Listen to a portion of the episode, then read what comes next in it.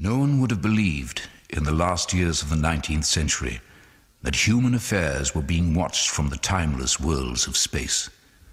No one could have dreamed we were being scrutinized as someone with a microscope studies creatures that swarm and multiply in a drop of water. Few men even considered the possibility of life on other planets.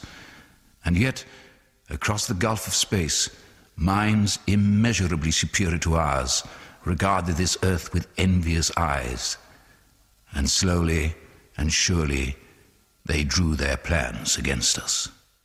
Stemmen du hørte, tilhører den avdøde skuespilleren Richard Burton. Og denne monologen introduserer publikum til musikalversjonen av Klodenes kamp, skrevet og komponert av Jeff Wayne. Du hører på en episode av Portrettpodden. Mitt navn er Mats Lasse Jangås, og dette er en podkast hvor jeg intervjuer mennesker som inspirerer meg, som får meg til å tenke, og som hjelper meg til å forstå mer av verden rundt meg.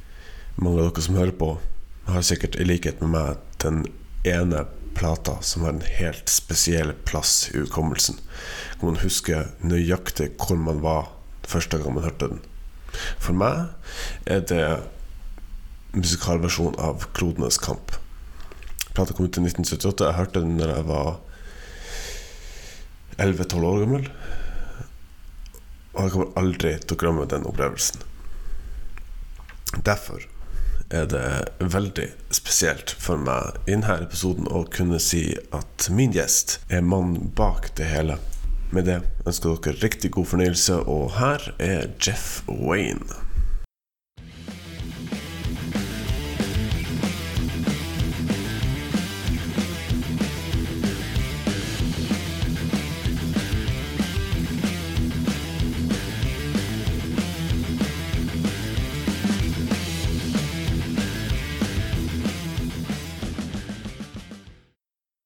Thank you so much uh, for taking time to be a part of my podcast. Thank you, Matt. Really pleased to be with you. Thank you. Um, this is um, mainly a, a, a a podcast about uh, uh, inspirations or sources of inspirations, as it were, and um, has always been a, um, uh, a goal of mine to to pick your brain for a moment about uh, uh, about uh, War of the Worlds, which are most famous for, of course, but. Um, as this is a podcast about inspirations, um, I thought it would be more well, so it would be uh, a, a good idea to start uh, a bit earlier. Um, growing up in New York, your father being a performer and, and artist, um, was there a lot of um, um, music in your your early life that has shaped you? Yes, and uh, very much so. I was. Uh, my dad was a, quite a popular singer and actor in the United States. He had three number one records uh, and uh, did a lot of live work, Broadway, radio uh, shows, some under his own name. So I was always surrounded by musicians, writers, directors uh, that he used to work with or came to know. And uh, the original piano that I took piano lessons on from the age of five, uh, I still have here in England. It's stayed with me my whole life. So um, a, a great uh, physical part of that that early life is, is, is still with you. Yeah, it is. And, uh, you know, I have pictures of both my dad and I at the same piano. And my mom used to tell me that we used to fight to get to have more time on that piano. So it has a lot of wonderful memories. Yeah. Could you uh, can you uh, pinpoint a, a moment where you the that first idea popped into your head? I, I, I want to be a, a, a musician, a composer, orchestrator. I actually um, went through the first two years in college as a journalism major. I was really um, enchanted by investigative journalism, Mhm. uh, trying to find the answers to stories of real events that had not yet been proven. Mhm. And I got halfway to a Master of Arts degree, so it was called an Associate of Arts. Okay. But all through the years, music never left my life. I was playing in bands, I was writing songs. And uh, when I got that two year degree, uh, that was a defining moment for me because I realized that as much as the journalism was a, a wonderful, a wonderful path, mm. music overtook, and I think it just came from the heart, you know, uh, the the soul of the love of music, and I wanted to put far more time into it and professionally go on and hopefully uh, become a, a, a, working musician. Every day, funnily enough, um, music plays a part in my life, whether it's a small amount or when I'm working on something. Uh, and I've never felt to this day, all these years on, I've never arrived, if you want to look at it like that. It's always something else that's pushing me, or I'm hearing somebody else's music and I admire it and try to understand it. Funnily enough, if I don't understand a piece of music, no matter what style it is, I'll find a recording of it somewhere and I will just listen over and over again mm-hmm. until I get it. I understand the approach from the composer's point of view of how he or she got there. Mm-hmm. And uh, I guess for me, that's the love, the challenge, uh, the aspirations of being a musician is it never ends. I never feel satisfied, and it and it remains to me with me to this day.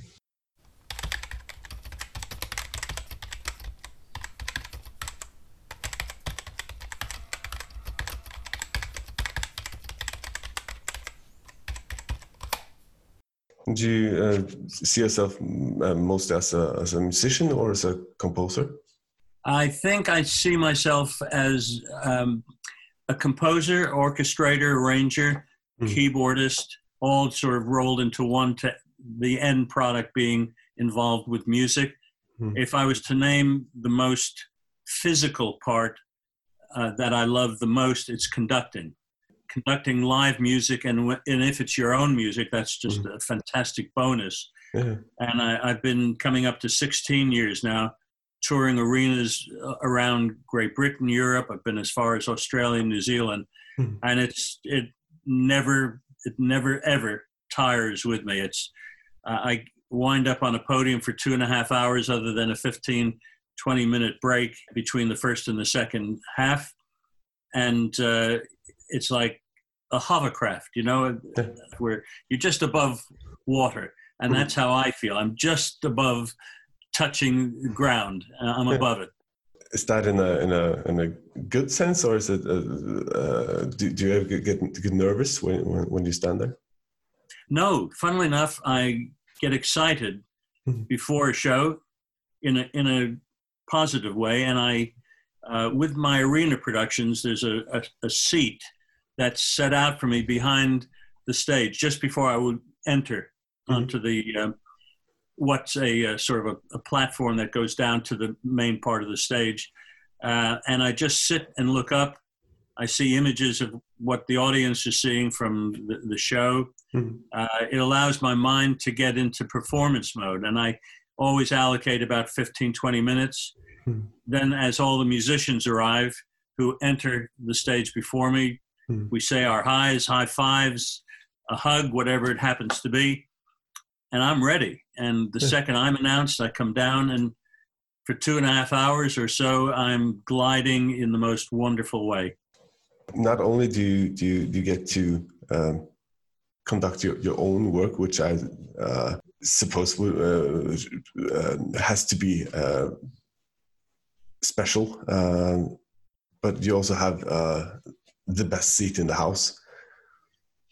yeah, I do that. Yeah because it's not we don't have an orchestral pit which you would have for for theater productions i'm right on the stage and everything is going on all around me and uh, it's the best seat in the house how is it then to to stand in front of I don't know, 20,000 people and, and conduct uh, your own piece of music? Well, it, it's, I think it's as good as it can get for somebody who is a composer, conductor, you know, musician. Um, and part of it is the fact that it's not just a musical performance, but we have a, a range of characters that are part of the story, mm-hmm. and they're singers, some acting, and I'm, you know, as close as you can get without interfering with their performance. Mm-hmm. And it's an energy. It's it's just something that's so unique. But I've had that when I've been a guest conductor doing other pieces of music. It, it's just that connection, mm-hmm. and I guess it's like whether whatever your profession happens to be, if you feel that bit of magic, then you know this is where you're meant to be. Yeah. And uh, every time uh, I've been conducting the same show, mm-hmm. although it keeps growing and we go on to other countries, it's the same experience. And mm-hmm. if it's an extra special performance, uh, I think everybody knows it, no matter who it is, whether you're on stage performing or even when you come off, the mm-hmm. high fives, they're, they're going even with the crew. It just, it's a moment when everybody has realized you've reached that extra special plane on that one given show. Yeah. Um, remember uh, uh, getting the um, DVD of the 2006 uh, arena show, uh, and the opening after the the famous uh, Richard Burton uh, monologue, and you coming out and and and starting the orchestra for the the, the overture. I can't remember ever before seeing someone be so visibly happy to conduct a piece. Well, it's exactly what I've been sort of trying to describe to you, uh, Matt. It's that feeling of just being slightly off ground and in your own zone, and and it's whatever you're seeing, whatever the audience is seeing. I, it's just natural. That's what it, I'm feeling. So if I'm smiling, it's because I'm feeling pretty pretty good about it. I, I don't think I would do these tours if that wasn't there. If it just wasn't the, the natural feeling that's coming out of me, because I'm not just taking it out of the box and doing it again. It's not my job. It's mm. a career. Some of the musicians, there are only a few of them now, mm. but uh, they go back with me even before uh, recording the War of the Worlds. Okay. So, and now 16 years or so, we're approaching 16 years of touring the War of the Worlds. Mm. So many, the very largest percentage of the musicians, the, the symphonic string orchestra, the crew, Mm-hmm. Uh, some of the the performers, it's like a just an old family getting together, mm-hmm. and you sp- you're spending two, three, four months, whatever it is, on the road with them, and you just pick up where you've left off from the last time we we were together. So it, again, it's just one of those things that happens, and I'm a lucky man to have been given that. Uh, it's a, a bonus in life that I don't take for granted. Well, it's, uh, it's, it's rare that you get that that sense of uh, lightning in a bottle where, you, where all the pieces just seem to fit together and you get this uh, this project this this piece that that seems to be everlasting. And uh, when you then as well get to uh, meet the same old uh, familiar faces uh, when you when you go on tour that that must be must be a good feeling as well I I suppose yeah, it, it is, and uh, of course, there's particularly on the performer side, uh, they often are new to the production, mm-hmm.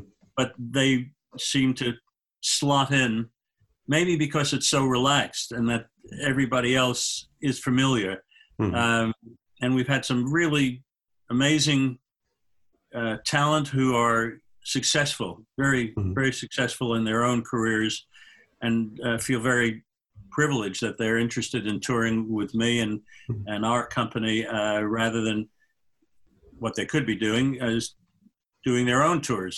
They've given us a chunk of their their lives and their time. So uh, it's a it's a mixture of uh, old and and new, uh, and just makes it that much more special.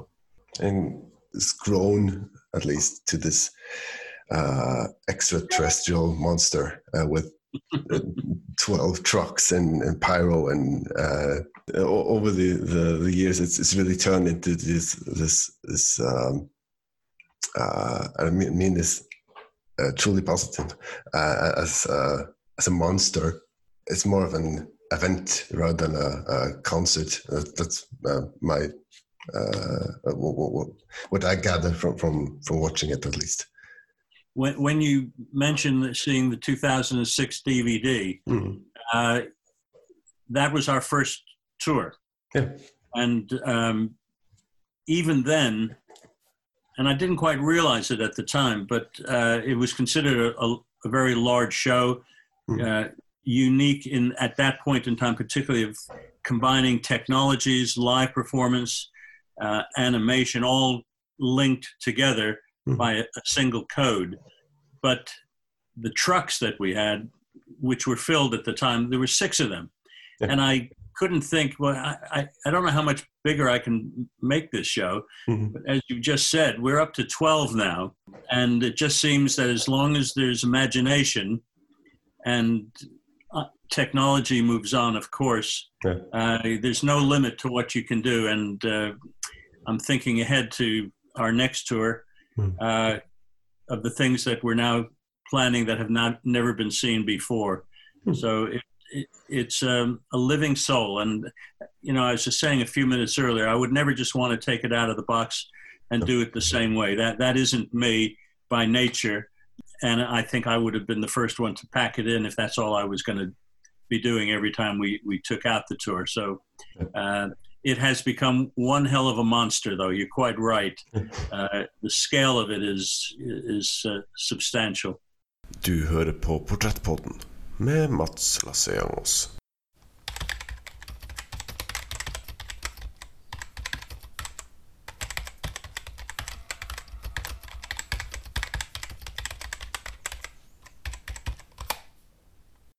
This is great entity, uh, which has grown from six to now 12 trucks. Uh, well, it all started with, with uh, of course, the famous H.G. Wells novel. And I've, I've read somewhere that um, your father uh, is to thank that this this show exists at all.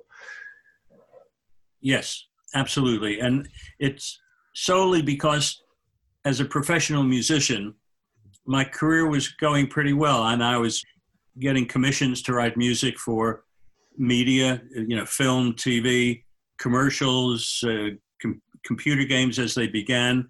I was touring as an MD, as a conductor with certain artists that I was producing and working with.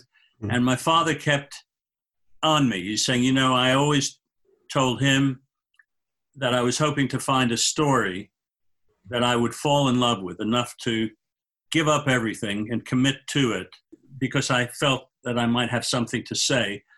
And uh, I agreed at some point along the way. I said, You know, you're, Dad, you're absolutely right. And we just started reading a range of books. They weren't all science fiction either, they were just books, great books. Mm-hmm. And they were. And each one that we were reading and I was reading, as great as they were, there was something that didn't make me go, wow, that's the one that I'd want to commit to until I was, in fact, it was the night before going out on a tour as the MD and arranger and a keyboardist for an artist named David Essex that I was hmm. producing as well. And we were having a great run of hit records, and he was now very popular. So I was touring with him for the first two years of his touring life. And uh, the night before, my dad came over with another book to read. And he said, Look, I know you're going out on the road tomorrow. Uh, this is before there was the internet and mm-hmm. all digital world. So I'm sure you'll find some time to, to have a read of it. And he was right. And it was on that one read of H.G. Wells's The War of the Worlds that I did say, that is it. It is mm-hmm. amazing for a range of, of key reasons. But it was still in copyright. In fact, it remained in copyright until 2016. Okay. So, as much as I had just finally read the book that I wanted to commit my professional life to for the foreseeable future, I couldn't just go off and, and do it. And it took, again, without Google, without the internet, finding out who owned the rights to mm. be able to even get a chance to see whether that party would be interested to, to sell us the rights uh, to make a musical work. Mm. Um, it took about three months. And uh, it turned out it was Frank Wells, who was the son of H.G. Wells, that inherited those rights uh, from his dad. And uh, we wound up meeting Frank and his agents uh, to talk about it. He, he liked the idea that here was a father and son team.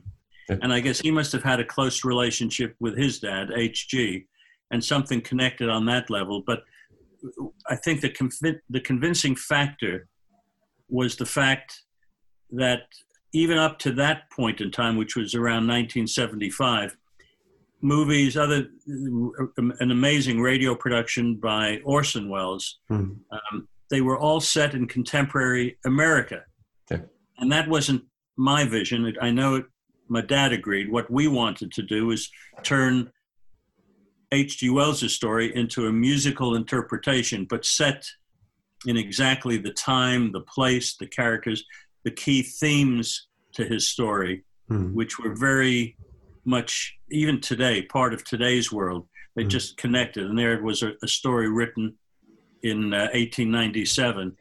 And that was for sure, I think, the, the one convincing factor that Frank felt by selling those rights, he was releasing that protection quality, and we were going to protect it and be a safe pair of hands always. And to this day, if somebody says it's called War of the Worlds, Hmm. not even that, they don't put the the in. It's the War of the Worlds. It's the definitive war of all worlds. So Mhm. I'm on them, and my dad was while he was still alive. So Mhm. it meant a lot to us. Do you feel that you have a sense of uh, responsibility in in um, carrying on the, the legacy of H.G. Wells? I think it's carrying on with a promise that my dad and I made that we would Mhm. do everything to stay true to his work. Yeah. So I don't feel a weight on my shoulders. I just, it's natural. It's part of my body now, you know, in the sense that I'm joined at the hip with H.G. Wells' story. Uh, and while I've done many other projects and worked with many other artists unrelated to the War of the Worlds, it has become part of my life. It's like every time I return to it, it's like coming back to a, a very old dear friend. So staying true to it is like staying true to a partner of yours. In, in rereading uh, uh, the War, War of the Worlds uh, in uh, as, as part of uh, doing research for this interview, I felt that uh, it is obviously on the surface uh, a story about uh, alien invasion in Victorian Britain, but I felt uh, it has this, this vast um, opportunity to, to to speak about our society today. Do you agree? Yeah, I sure do. Um, you know, at the time, so we're talking about 43 or so years ago, Hmm. um, the world was a different place, uh, but it still had wars. It still had the challenges of faith from one to another.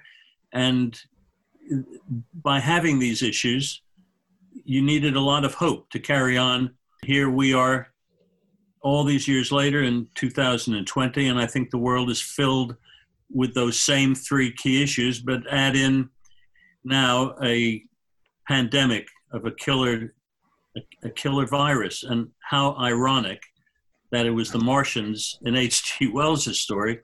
The one thing they didn't anticipate was the human virus, the common cold. Yeah. Uh, they had incredible intelligence, super intelligence. They had amazing machines and weapons. But in a sneeze, they were gone. Yeah. And here we are. Uh, I hope we don't have to sneeze our way into oblivion. No. But the, all these common themes, they seem to be um, eternal. Mhm. Um, and that's why I think, in a way, uh, it's my musical works has remained relevant because those key thoughts, the feeling of hope and the, the challenge of, uh, of faith and wars that carry on, that's what I was writing at. That's what was coming out of me. It wasn't, yes, of course, it's a story of an alien invasion. It's an alien invasion onto Earth, into places in England that people can, and pe- people who are familiar, who may not be British, uh, but may know England well enough to know these were real places, real towns, real villages, Hmm. uh, and easy to to relate to. Um, yeah, so that Mm. that's where I started. When when reading uh, War of the Worlds, um, how do you start that process of composing a, a, a musical interpretation? Well, interestingly, Matt, when it came to the point where now my dad and I we had the rights, Mhm. Therefore, what's next? To sit down and really start composing a score. Um, my stepmom, who was my dad's second wife, she was a writer, a journalist, and so she came on board as a family member, but as a brilliant writer in her own career Mhm.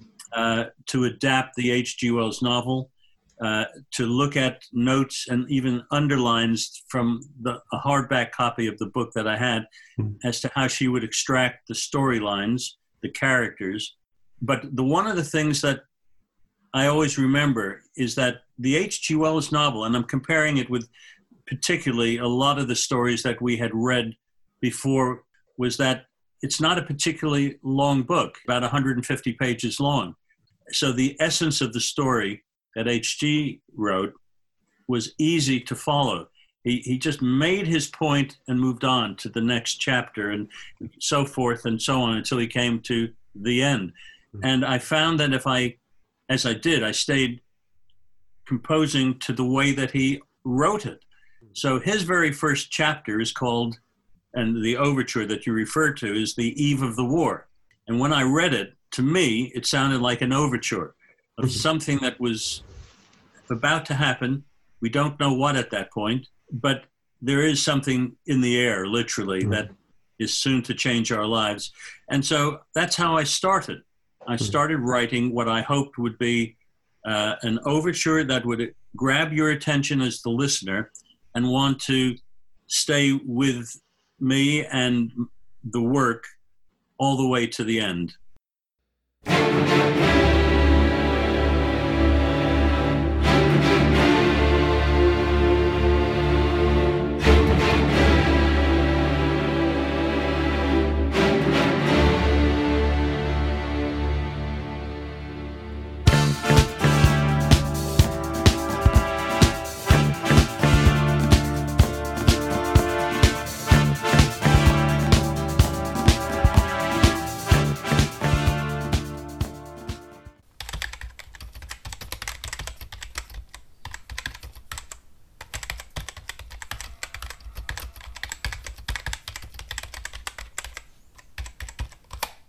Like to to work with uh, with Richard Burton, and and did he bring something to the project that maybe uh, uh, another uh, lesser actor uh, maybe wouldn't have?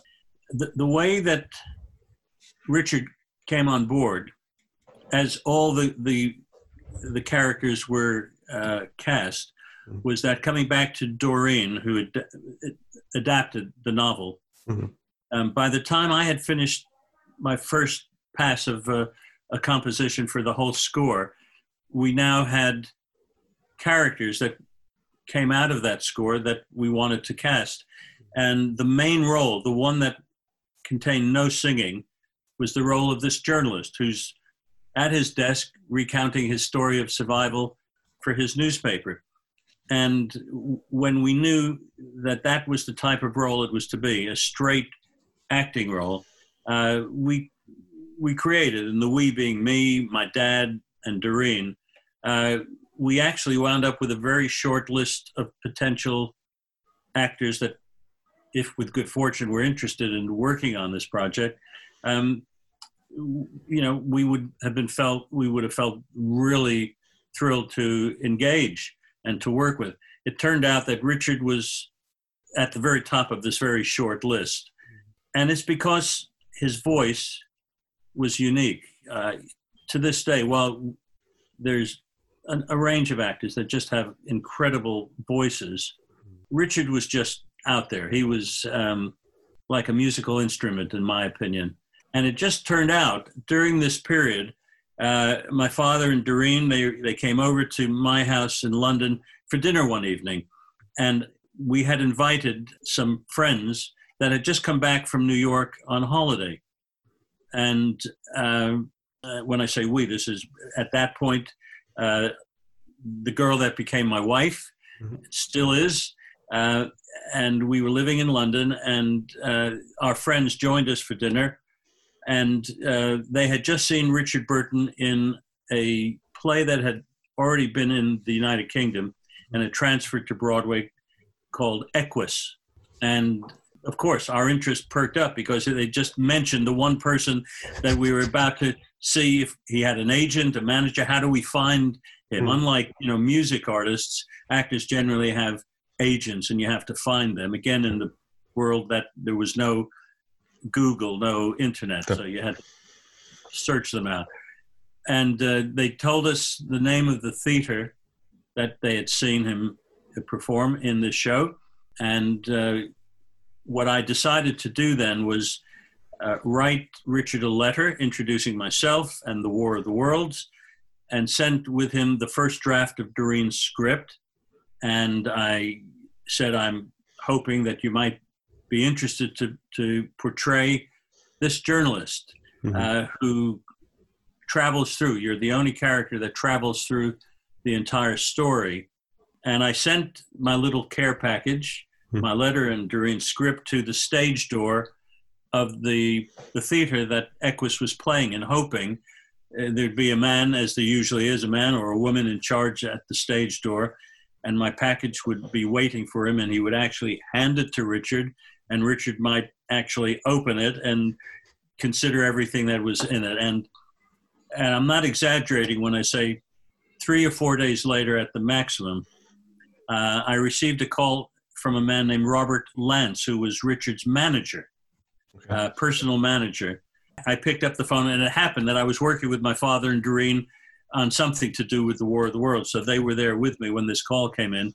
Uh, and he explained that um, Richard had l- read the script, read my letter, and he loved the idea. Mhm. And, he, and the words that I'll never forget were, Count him in, dear boy. Uh, and uh, at that point, I sort of froze and just sort of handed the phone to my dad. Said, I think it's time for you to take over. Mm. And maybe 20, 30 minutes later, the entire contract had been worked out over a telephone call. And suddenly, put the phone down, we had Richard Burton. And, and there it was, uh, unique. Sure, surely to this day, these things don't happen anymore like that. Whether it's from the music world or the acting world, there's layers of representatives, and it's almost like being in battle in the War of the Worlds to finally get through to somebody. But that's how it happened. And the only thing that we learned on that call was that Richard was very soon to leave Equus in Mhm. New York, and he was going to California to start a film. Okay. Uh, and to stay on the schedule that I had sort of laid out, um, we would we had agreed to go to California, all the key people Hmm. in our team, uh, and to record with him there. And I was just um, at the starting point of recording all the band sessions that were booked for a month. So we had all the backing tracks planned to be recorded in one month. Uh, so starting middle of May uh, in 1976, sometime late June, we were in California recording with Richard. In the contract, we had five studio days, averaging about 12 hours, including, you know, a break for tea or a meal or something, but five studio days. And everything that wound up on the original album, plus a whole lot more, he did in the one day. It, it just like, Sometimes the, pieces just seem to fit in that small hole. It has to be that actor in that at that time. And uh, you, you also worked with uh, uh, on the uh, original uh, recording. We have uh, Justin Hayward and Chris Thompson, and David Essex, as previously mentioned, and in, the the other. Um, more recent, recent iterations, we have Liam Neeson um, taking on the role as uh, that Richard Burton had, and, and Gary Barlow and and um, and Michael Sheen in uh, the uh, Audible version. Uh, how do you how do you keep how do you keep the the the, the piece uh, fresh and and still inspiring after uh, after all these years? well, um, firstly, there's a number of years apart. Yeah. So uh, I'm not talking about the fact that I'm ongoing with with the arena tours and other other projects around the War of the Worlds, but there's also a reason why did we do what we called uh, the uh, the new generation, and the reason was that by the time in 2012 it came out, I had been touring the War of the Worlds for five or so years, mm. and I was able to see the audience reaction, and I was starting to remember the fact that all the original material that Richard recorded that didn't make it onto that original double album, mm. it was actually really good. I went back to read it all. And from a live entertainment point of view, there was some great storylines that deserved to be put back in. Yeah. And with a live presentation, I didn't have the restrictions of being in a in the black vinyl world where you you had restrictions. So that's what started it. Um, and by starting it, it was almost a point of no return. I didn't have the ability to call Richard on the phone because he passed away in 1987. Yeah. And that which I had recorded, it didn't technically work in the way the, the, the live uh, arena tour was constructed. Mm-hmm. Uh, so, a rather heartbreaking decision was that I had to leave Richard Burton's journalist behind. When it came to casting, it was amazing. It was just like with Richard, uh, although with Richard we had a few other names that if he had not been interested, we would have had to move on to.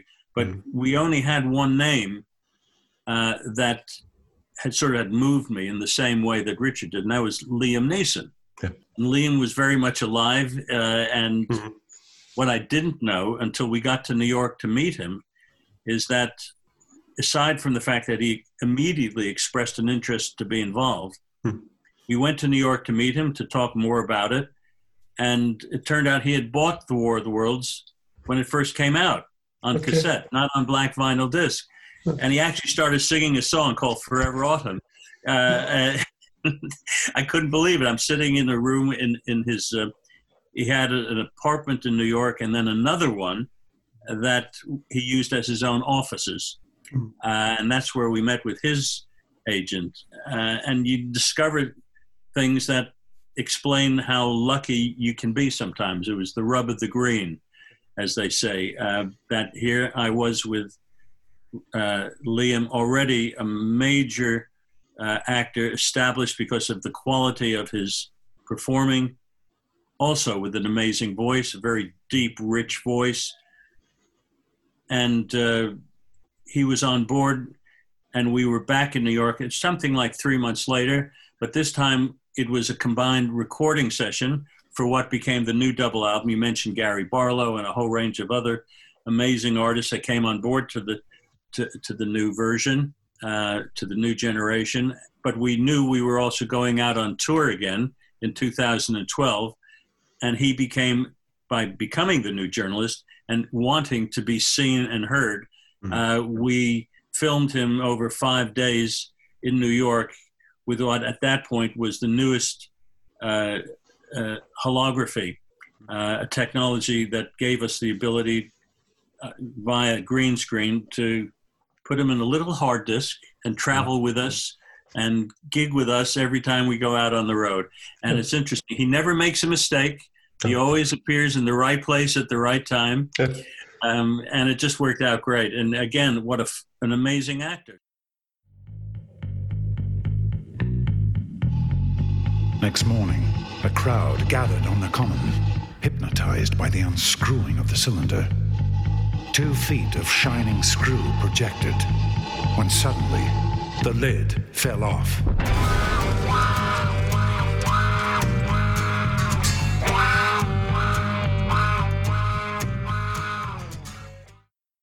Uh, you mentioned Michael Sheen, so just to complete those three is another man with an amazing voice, such a versatile actor. It's hard to believe he can transform into so many different characters and come over differently, not be mm-hmm. the same type of person, but who's just so good an actor. You're buying into that person. Mm. Michael has a different approach. And the way that I learned of his potential interest was that he was in, I think it was in California, and he was doing an interview for a magazine, a double page spread, and uh, he was being asked the sort of questions that we've all read about people that we're interested in. You know, what's your favorite book? What's your favorite this? And what's your favorite album? His favorite album was The War of the Worlds. And again, he bought it when it first came out. And the irony is that he was also from the same area in Wales and on a different project Mhm. that made three people from Port Talbot in Wales uh, or thereabouts that I wound up working with on major projects. The other is Sir Anthony Hopkins on a different musical work of mine. Yes, on Uh, Spartacus. Spartacus, that's right. Um, and um, there's Michael Sheen also from the same place. And when I read that, I, aside from being just knocked out that my my work had reached him, Mhm. when it came around to doing the audiobook, a five hour rendition now, not a two hour, two and a half hour version like the our tours or even less within the the double albums. Um, he was the person I put forward for Audible to approach, and he was on board. He was, in fact, he had a breakaway uh, to give us five days in the studio to do that work, and uh, I I just feel I've, I've I've done the triple. You know, it may not be football, but in my world, I, I did it Yeah. uh, because each of these three people are so amazingly talented, so enjoyable as people to work with. Mhm. Uh, and uh, there it is. That's uh, those three, all being the journalist. Yeah. Uh, looking at watch here, I don't want, want to take up too much of your, your time, but um, uh, I find it uh, almost a bit ironic that all of this uh, might not have happened uh, because, as far as I understand it, the, the, the record company, uh, which today is Sony, uh, had the right to have 30 days of consideration before releasing the album, uh, which then turned into 60 days in total. Yep. Um, is it possible to explain uh, the the feelings uh, going in, um, and and and and the thoughts uh, moving about in your head in those sixty days? Yeah, very, very definitely. They're as clear today to me, those memories, as they were when it was happening. Hmm. It, it was a, a contract uh, point that it was, I had to accept it. Mhm. And that was when I handed it in. And But there was a, what you'd call a quid pro quo. They agreed to stay out of my hair, provided they had the right to listen. They didn't have a guarantee, an obligation to just release it, no matter what I handed it in. I mean, it, the War of the Worlds didn't fit any mode, sort of mode, a model. Uh, it, it was just its own thing.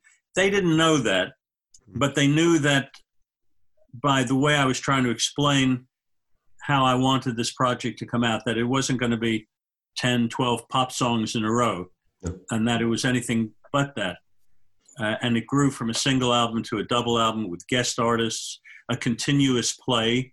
Mhm. So it wasn't like you'd come to the end of a tune and then carry on after a little gap. No, it was a continuous work. And there were themes and songs that would not even necessarily come to their end. Something else would cross over and uh, take over the story for whatever way the story was unfolding. And then you'd come back to a tune that you may have heard, or a song, or a, a sound effect, even. Uh, so they were taking a risk because the money that they put in uh, in those days was would be considered generous, Mhm. and I was appreciative of that, and I was confident that I, not so much about whatever I was going to eventually hand in was going to be genius. I was just confident that I had a story that I'd finally found, and that I was prepared to take the risk with because what came eventually to the end of the day was this double album uh, cost me my life savings Yeah. because they they honored every penny, including when it went from a single to a double album. Mhm. So at the end of the day, they had seventy thousand pounds of their money. This was in the mid nineteen seventies, Yeah. but it cost about two hundred and forty thousand. And when I had come to the point where I was running out of the money from CBS, I sat down with my then very new wife, my father and and uh, his wife Doreen. I said, "We've sort of reached the end of uh, CBS's money as it was then. It wasn't Sony, as you rightly said. Um, it was CBS Records. Uh, and either I now go into my life savings, our life savings, uh, meaning Geraldine's and mine, uh, that's my wife, and uh, or I wave the the flag to the Martians and res- sort of surrender. And each of them, in their own way, said, "No, you, you may never have another chance as a composer, as a producer, to express yourself so completely unencumbered. Mhm. You know, with all the enjoyment you get from producing artists, writing for them, or working on a commissioned work, whatever it might be. This is a blank page you've been working to, and from what they had heard up to that point, they felt it was it was progressing really well. So each of them said, "No, carry on." I was a working musician, you know. I was still being offered and uh, feeling confident that I still had a career. Okay. So it wasn't like I'd be winding up selling matchsticks on in Leicester Square in front of a, a movie house or something. Uh, but uh, the fact that they said that without any hesitancy, that was it. So we carried on, and that 240,000, all but 70,000, was our life savings. But it, it was worth it. It was worth it because it finished on my own terms, Mm. and I was a, I had sort of expressed myself in a way that I had no idea if I would ever get another chance again. Uh, but that contract point now, as I'm getting to that moment of having to hand it in, Mm. I actually chickened out, and Geraldine took it in. She ha- she actually was someone who I met when she was working at CBS Records. That's how we Okay. actually met. So she knew the chairman of the company who it had to be handed into. Mm. So she took it in. She had a good sort of left cross as well. So if she had any problems with anything, she was going to use it. Um, I, and I was so happy she was prepared to take it in because I didn't want to face maybe humiliation of being handed it in and then 30 days later having it handed back to me. Mhm. Uh, it didn't happen like that. Uh, but the reason it went to a second 30 days, and I didn't know this until that moment arrived, was that to, to sort of take their investment of 70,000 pounds and not have it all on their on the CBS Records UK responsibility. They offered it to CBS or Columbia, as it was known in the United States, who took it up, and they therefore were splitting that 70,000 pounds. What happened though is that when I handed it in, or when Geraldine handed it in, Mhm. it went to Columbia in New York, and they came back saying it's like something we've never heard. It's it's brilliant, but who's going to buy it?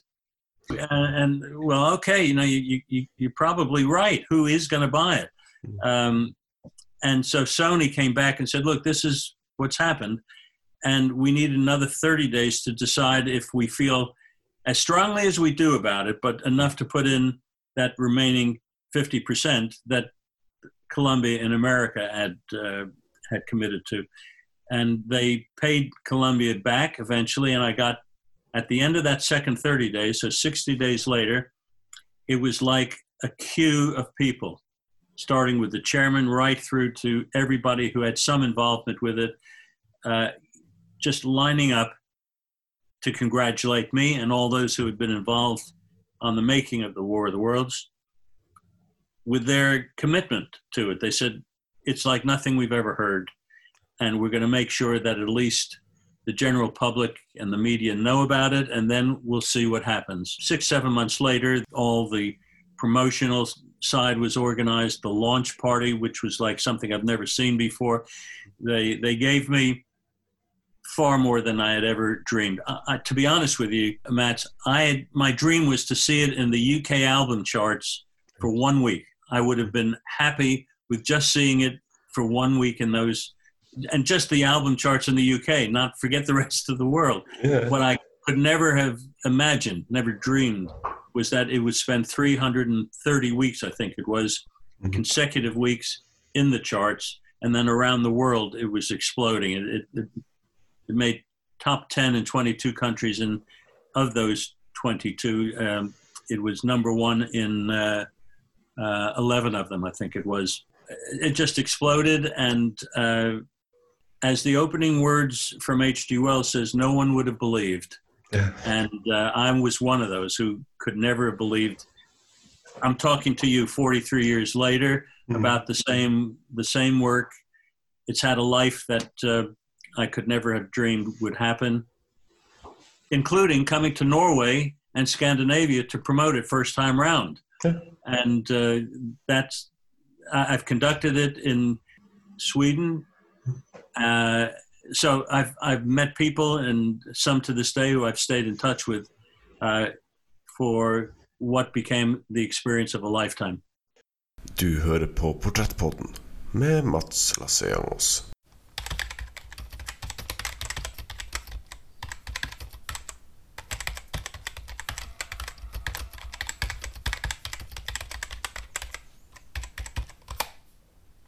As you said, this has been a 43 year journey. Um, you've been battling Martians for 43 years. Uh, what does the future hold for for Jeff Wayne and uh, his musical version of The War of the Worlds? Uh, well, had the the worldwide pandemic not arrived, we were we had actually announced uh, another arena tour because we have historically toured every between every year and two years, uh, and we were committed to touring again the UK, parts of Europe, and there was other interested countries for the first time, in fact, uh, and it was announced for one week last year in uh, I think it was late February or so, and then the pandemic struck, and so it, it was pulled. And only ten days or so ago, we finally announced that it's going to happen, but virtually a year to the day later. So we're going to be touring again in the same places, maybe even more, uh, in 2022, starting in the UK uh, in March, and then we'll continue on to wherever the final tour happens to be. Uh, and uh, already new things are being thought about of what can I do? Can I go above 12 trucks? Uh, what artists are going to climb on board? Hmm. Uh, and uh, it's again a very exciting moment.